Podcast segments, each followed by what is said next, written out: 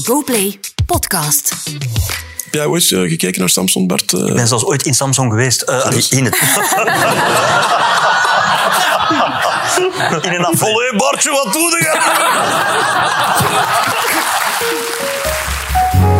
Telkens er iemand afvalt in de slimste mens ter wereld, dan blikt die pechvogel de volgende ochtend terug op zijn of haar deelname. Met mij, Pieter-Jan Marchand. Het is donderdag 19 oktober en vandaag is hier zanger en presentator Bart Peters in De Slimste Mens, The Morning After.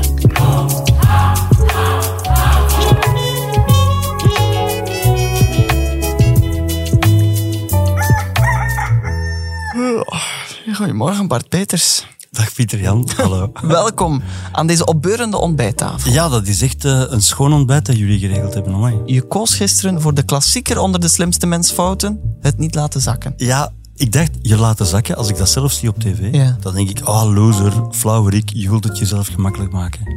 Ik was ervan overtuigd, ik kom er ook wel zonder me te laten zakken. Heel dom. En dan daarna kwam er een, een vraag over Jackson Pollock. Ja. Dat ging je waarschijnlijk... Jack the Dripper. Ja, Jack the Dripper, kijk, je kent Ja. zelf de bijnaam, alles. De vorige keer dat ik meedeed, Ja. dat is al een tijdje geleden, was ik in de finale geraakt. Nu bedoel ik dan de echte finale. Ja, de finale weken.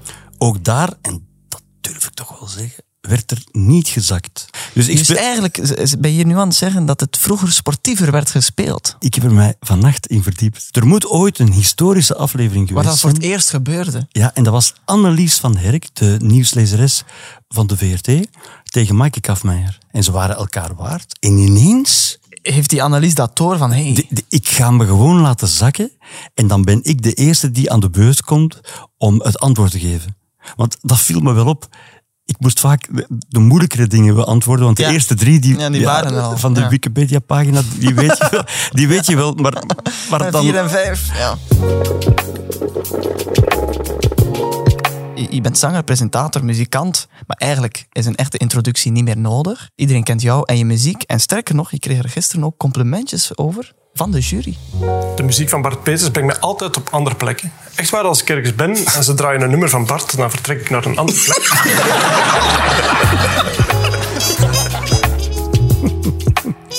Pocky de Rapper die gaf jou trouwens ook een compliment. Die zei, het Peulengalijs heeft zoveel impact op mij gehad, zou Vlaams erfgoed moeten zijn. Dat, ja, dan, dan kom je in kanons en zo. Ja, ja, ja, dan kom je in grote boeken natuurlijk Ja, ja, terecht. ja. Legendarisch, absurdistisch programma. Van al eventjes geleden. Weet je hoe lang precies? Ik, ik kan niet tellen. Hè. De, radio, de radioshow is dit jaar 35 jaar geleden opgestart. Jongen, dat In is... 88. Dus het was eerst een radioshow natuurlijk en daarna een tv-programma. De Droomfabriek is gestart 35 jaar geleden ook. Daar wil je toch niet over nadenken. Nu, ehm, 35 jaar geleden zijn bepaalde programma's opgestart. Mhm. En je vertelde in De Slimste Mens dat er ook wel een bepaalde dingen gebeuren met je lichaam wanneer je ouder wordt. Tevreden over jullie oren?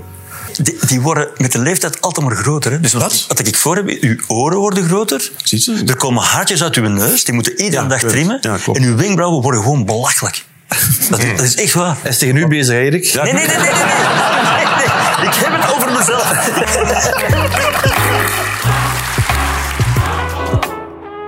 In alle eerlijkheid, zo'n onderwerpen Ja.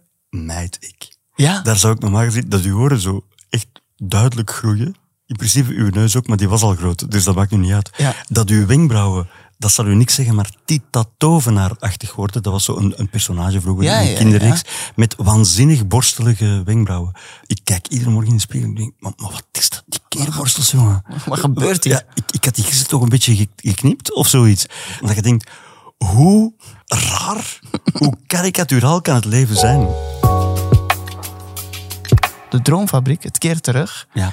Hoe gaat dat dan in zijn werk? Als zo'n zo'n iconisch programma terugkomt, is dat dan iets dat je zelf zegt? Dit moet terugkomen, dit was zo leuk. Nee, zeker niet. De VRT-overheid vroeg, wat wil je niet maken? Want al de rest mogen maken. Oh. Dus ja, dat is wel handig. Dat is mooi, ja. Dat is wel handig. Maar dan, dan heb je ook nogal heel veel mogelijkheden. En ik zeg, ik wil naar plekken in Vlaanderen Ja. en daar contact hebben met mensen en samen met die mensen mooie dingen doen. Ja. Dat is anders dan de Droomfabriek vroeger, want dan deed ik altijd van die offscreen commentaren op de filmpjes, Ja, ja. maar ik ging zelf nooit naar die plekken. En nu wil je erbij zijn. Omdat telkens als ik een programma deed, en ik ben al bezig sinds 1982,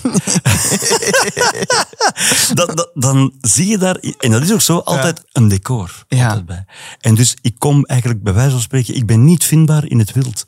En dan zeggen ze, ja, maar wat bedoel je dan om samen met die mensen iets te doen? En dan was ik zelf misschien wel zo stom om te zeggen, ja, ik vind het niet erg om mensen gelukkig te maken. Bang, ding, klang, Ja. klang, klang. En, zo was het tien even een korte associatieve meeting, waarbij Ja. men dacht... Tien seconden later, Wacht de Droomfabriek. En de eerste dag kregen we al 10.000 brieven. Dus het concept Droomfabriek blijkt nog ergens in het collectief geheugen te hangen. Ja, dat denk ik wel. Je hebt natuurlijk ook u kussen gepresenteerd. En Sven de Leijer, die vertelde gisteren dat hij ook eens heeft meegedaan. Uiteindelijk zat ik in de finale met Zoal Demir. Ja? En koos zij voor mij. En dan werd, ah, moest ik haar eigenlijk kussen, maar ik heb geweigerd omdat hij te veel CO2 uitstoot.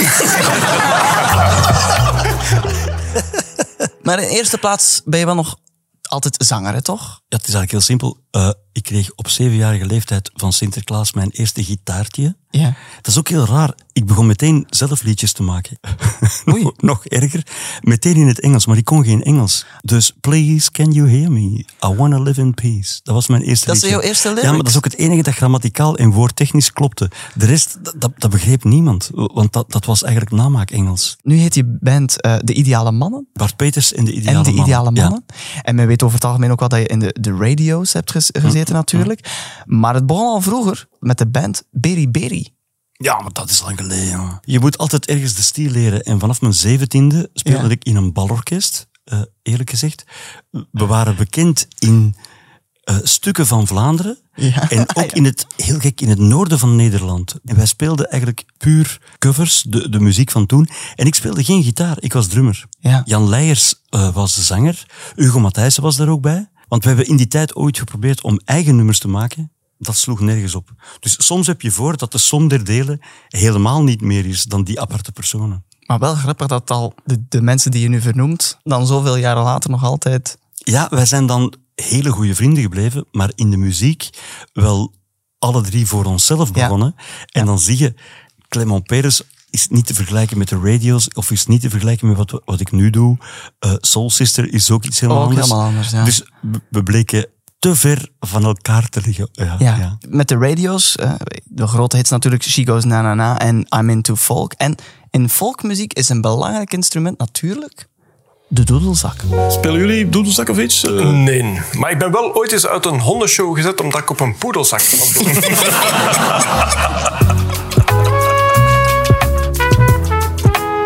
Gisteren was je tweede en laatste deelname aan de slimste mensen ter wereld. Maar ik denk wel dat je ervan genoten hebt. Ik vond het zalig. Ja? Ik vond het veel leuker dan de vorige keer, dat, dat Ja. ik heel lang heb gespeeld. Ja. Ik was toen ook misschien iets te veel met winnen bezig. Ook- Oké, Maar nu was het zo ontspannend. En eerlijk gezegd, heel vreemd. Maandag glorieerde ik nog. Ja. En dan was ik zelf niet altijd even content eh, van, Oh. van mijn eigen gedrag. Ja, ja, ja. Eh, maar gisteren, ik voelde me echt alsof ik in een zetel thuis zat met het leukste bezoek ever. Je was ook veel aan het lachen, vond ik. Ja, ja, ja, ja. Jonas Schernaert, die blijkt heel goed te weten hoe men in verschillende talen lacht. Kan jij lachen in andere talen, Jonas? Eh, ja, Ja. Eh, En welke taal is dat? Zweeds. Oh, Ja. ja. Eh, wacht hoor. Wat is dat? Dat is een eh, subdialect van Bengaals. Dat klinkt ongeveer. Lachen is nogal universeel natuurlijk. Eh, nog eentje. Ja. Wat wat is dat? Dat is Noord-Korea. Daar valt niet zoveel te lachen.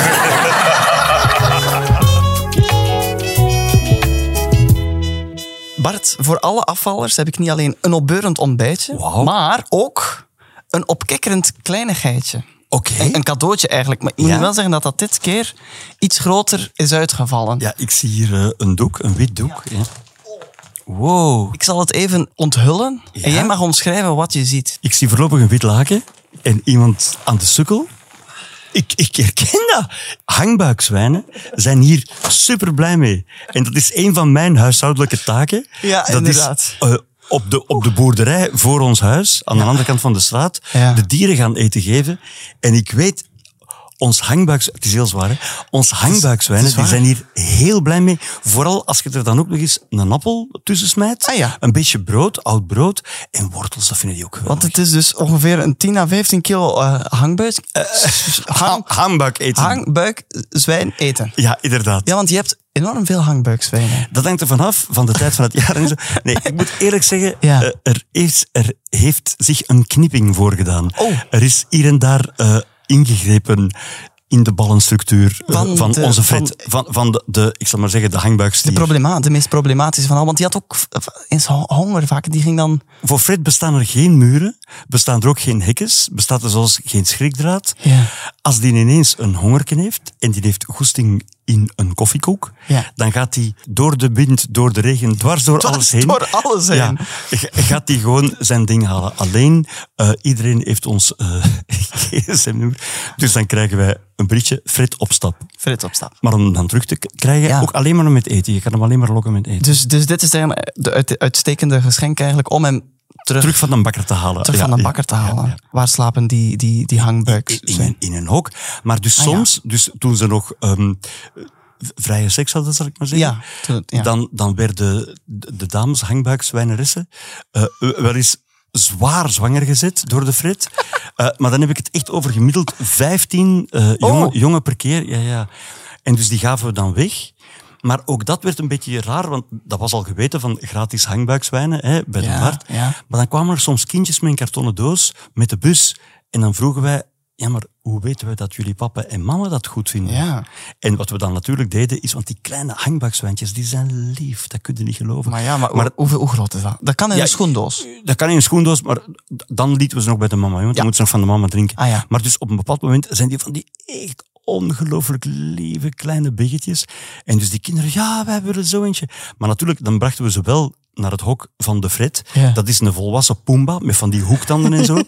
En dan beseffen ze van, oh, je kan ze dus niet in huis houden. Nee, dat, dat kan echt niet. kan niet. Die lopen gewoon alles omver. Ze slapen dus nooit in de slaapkamer bij jullie of zo. Dat is niet... Dat zou niet mogelijk zijn. Nee, natuurlijk ja. niet. Ja, nee, maar het is, eh, het is misschien maar goed ook, want we hebben geleerd in de slimste mensen ter wereld dat huisdieren die binnen slapen, kan soms al eens storend zijn.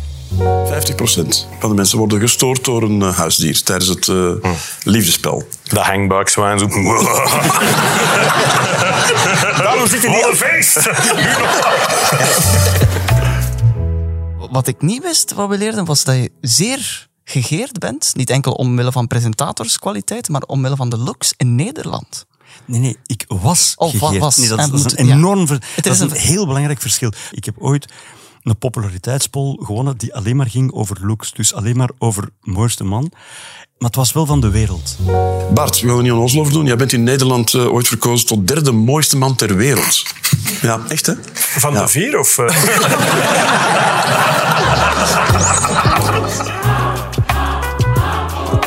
Nu, je, je vertelde ook wel dat je nog zelf mooie mannen hebt mogen beoordelen. Want je, ja, want je hebt niet alleen, eh, zoals je dat zelf dan zou zeggen, in Samson gezeten, maar ook in Mr. Gay heb je ook nog gezeten. Mhm. In de jury mee In bepaald. de hè, jury van. Mr. Gay Belgium. Ja.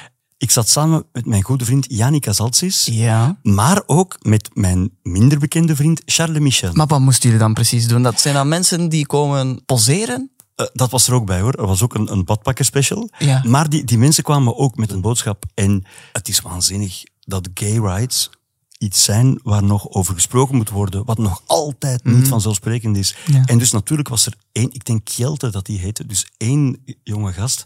En die kon daar heel bevlogen over spreken. En laat ons eerlijk zijn, dat ze knap zijn en, en sympathiek, oké.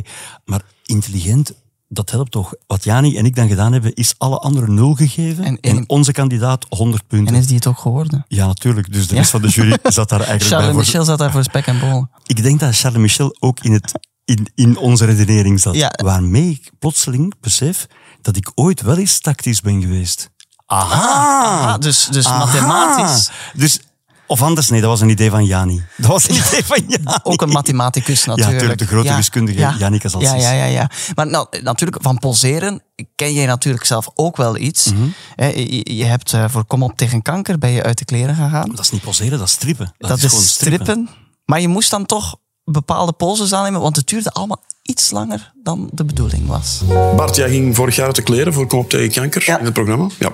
Was het leuk om te doen? Ze hadden beloofd dat er dan daarna een blackout kwam. Dus dat het licht allemaal uitging. Dus we stonden even in onze blote flikker. Ja. In het eh cursaal in Ja. Oostende. Maar dat licht ging niet uit.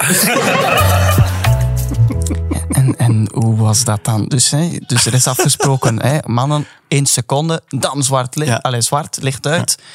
Er was dus duidelijk een onderscheid tussen de televisieversie Ja. want daarin werd gemonteerd. Ja, en daar gingen ze eigenlijk, maakten ze heel de tijd een shot, niet dat ik daar zo blij mee was, Op maar van ons blote billen. Ja, van ons blote billen op een rij. Maar om dat shot van die blote billen te kunnen maken, moesten ze natuurlijk licht hebben. Dus het, licht bleef frontaal heel... En wij stonden in onze blote flieker, maar echt zonder overdrijven, heel lang. En tegelijk heb je een ontlading van, we hebben onze strip-act, we hebben ons dansje gekunnen en zo. Ja, ja, ja. Dus wij begonnen elkaar te feliciteren en dat, dat leek op een soort swaffel-act eigenlijk. Ja, ja. En je wist ook niet hoe, Waar- wel- welk lichaamsdeel je moest feliciteren. Ja, ja, Waar, de, waar er mee geschud moest worden. Ja. en is er dan achteraf een lichttechnicus die er van langs kreeg? Of? Nee, maar dat bleek te zijn. Er bleek een onderscheid te zijn tussen mensen die in de zaal zaten, die kregen meer. Ah. Maar dat was dan wel, die hadden ondertussen wel een vergelijkende studie kunnen maken. Ja, we kregen waar voor hun geld. Eh, eh, eh, meer dan dat. Ja. Ja. Nu, terug naar je finale gisteren. Je weerde je als, een- als een duivel in een wijwatervat, vond ik. Want wa- wat een kennis. En dan vooral was ik onder de indruk bij deze vraag. Wat weet je over Megan Thee Stallion? Megan Thee Stallion is een Amerikaanse rapster. Ja. Ze heeft Wet Ass Pussy gedaan Ja. samen met Cardi B. Zeer goed. Eh, ze werd ge- met Romelu Lukaku eh, op straf. Fuck.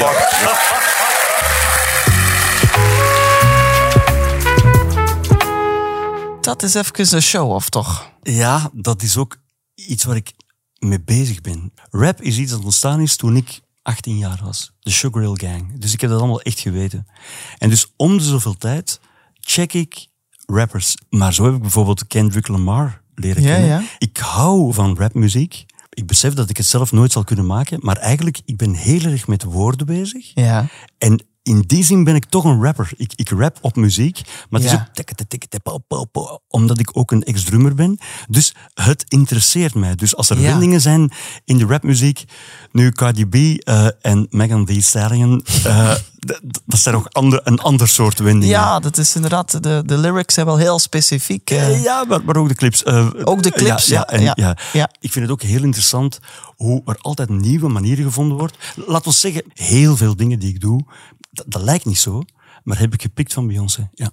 Zo bijvoorbeeld dat je moves niet mag onderschatten. Dat heb Ja. ik van haar geleerd. Het voorbeeld van Bart Peters, Beyoncé.